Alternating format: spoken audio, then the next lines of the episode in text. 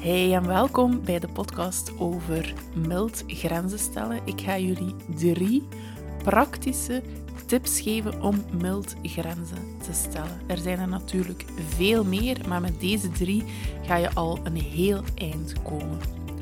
Ik ben Nina Mouton, psycholoog, psychotherapeut, schrijver van de bestseller Mild Ouderschap. We zitten ondertussen aan de tiende druk met meer dan 25.000 exemplaren verkocht. Ik ben spreker en ik begeleid online cursussen. Vandaag drie tips voor mild grenzen te stellen, want dat is toch niet altijd zo gemakkelijk. Eerst en vooral um, wil ik jullie meenemen in de wonderenwereld van de logische en de natuurlijke gevolgen. Want wat als we niet straffen? Een straf is niet logisch en geen natuurlijk gevolg op het gedrag van ons kind. We, we gaan een kind isoleren, negeren, in de hoek zetten um, om het te laten afkoelen. En op zich is dat geen logisch gevolg na het gedrag. Hè. De, het, het, de straf heeft helemaal niks te maken met het gedrag van het kind. Hoe kunnen we dat dan mild aanpakken? Dat is logische of natuurlijke gevolgen gebruiken. Een natuurlijk gevolg, het woord zegt het eigenlijk zelf, is een natuurlijk gevolg op het gedrag van je kind. Je kind maakt het huiswerk niet um, ja, dan gaat je slechte punten hebben of dan gaat je er niet door zijn. Uw kind gaat zonder jas naar buiten en het vriest, dan gaat uw kind het koud hebben. Uw kind kapt een beker water over zich heen, ja, dan gaat uw kind uh, natte kleren hebben. Dat, is, dat zijn natuurlijke gevolgen van het gedrag dat uw kind stelt. Daarvoor heb je dus helemaal geen tussenkomst nodig van jou als ouder. Bij logische gevolgen wel. Een logisch gevolg vraagt eigenlijk een tussenkomst van de ouder, die, um, die wel een logisch gevolg is van het gedrag van een kind. Dus weer niet, ik ga mijn kind isoleren, uh, of ik ga het in de hoek zetten, of ik ga het straffen. Nee, het is wel um, een logisch gevolg van het gedrag. Bijvoorbeeld, uw kind gooit uh, zijn of haar bordje op de grond met uh, eten, dan gaan we het samen opruimen. Dat is een logisch gevolg. Hè. Je komt als ouder en het logische gevolg is, als je rommel maakt, dan gaan we het samen opruimen. Opruimen is vaak zo'n uh, een ding. Hè. Kinderen, dat is helemaal niet de behoefte van de van, van het kind, maar wel van ons als ouders, een opgeruimd huis.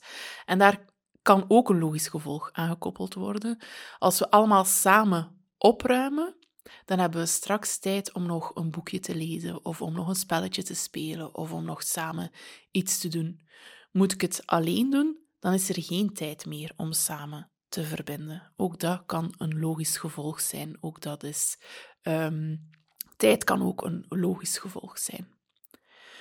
Logische gevolgen die staan nogal eens ter discussie. Sommige mensen vinden tijd inroepen als straffend aanvoelen.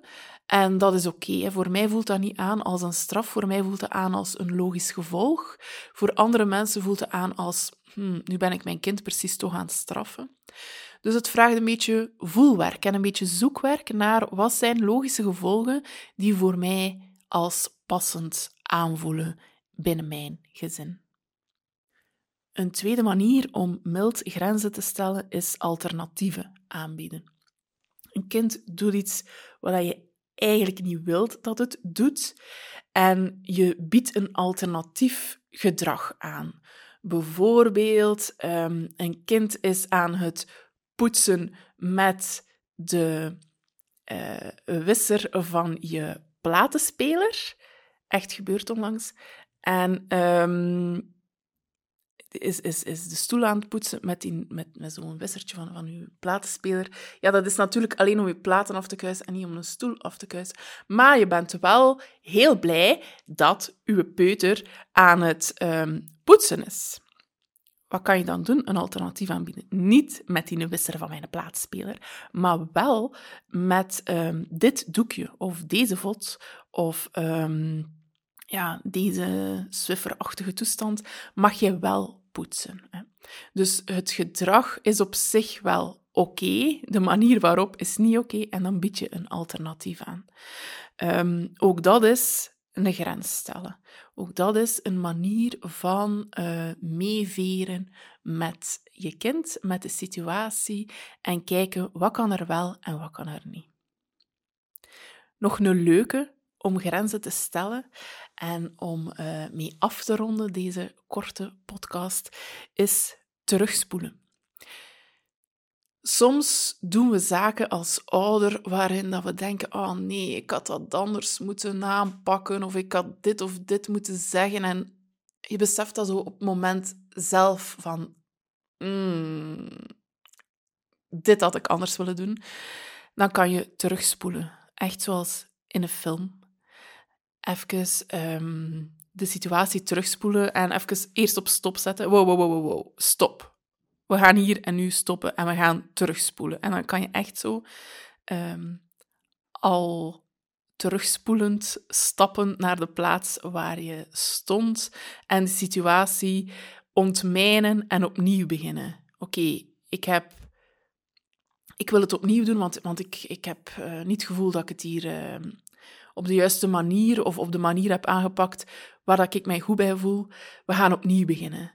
En dat is vaak, humor ontkracht vaak en, en humor um, ja, ontzenuwt de situatie vaak. Als je dat eventjes kan inroepen bij um, kleuters of lagere schoolkinderen, dan um, heb je ze vaak alweer mee. Dan ben je vaak alweer aan het verbinden. En dan ben je ook weer samen aan het zoeken naar, oké, wat is hier de manier om dit hier aan te pakken? Want ik als mama of papa weet het ook niet echt goed.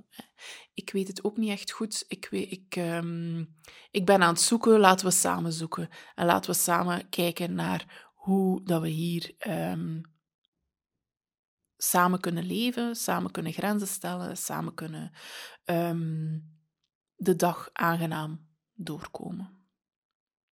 Ik zei het al aan het begin van deze podcast, dit zijn maar drie van heel veel tips die ik heb over um, mild grenzen stellen.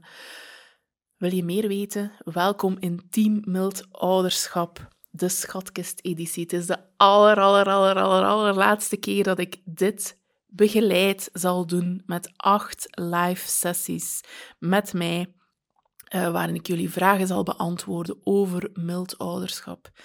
Met 45 SOS-video's waarin dat jullie heel veel praktische handvaten vinden over veelgestelde vragen van mild ouderschap. Met als thema's straffen en belonen, je innerlijke kind als ouder, mild grenzen stellen en dus heel veel meer tips dan in deze podcast parentificatie en hechting als ouder en hoe daarmee om te gaan en hoe de cirkel te doorbreken naar de volgende generatie en jouw kinderen. En uh, over mild ouderschap en je misschien niet zo milde omgeving. Daar zijn video's over en lives van vorige um, edities. Je krijgt ook toegang tot alle lives van de vorige edities. Um, bijvoorbeeld over um, hoogsensitief opvoeden zit er ook een live in. Um, er zijn lives met Nele Flamang ook.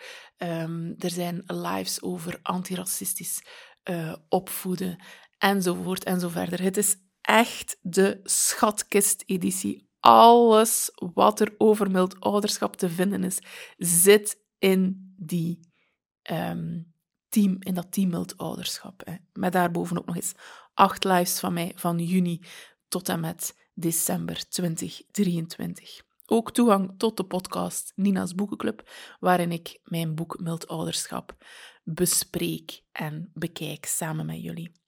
Je hebt levenslang toegang tot alle video's en alle replays van de lives. Dus vooral op uw eigen tempo. We zijn ook mild voor onszelf als ouder. Wees heel erg welkom op mijn website voor meer informatie. We starten in juni en ik hoop dat jij erbij zal zijn. Tot binnenkort!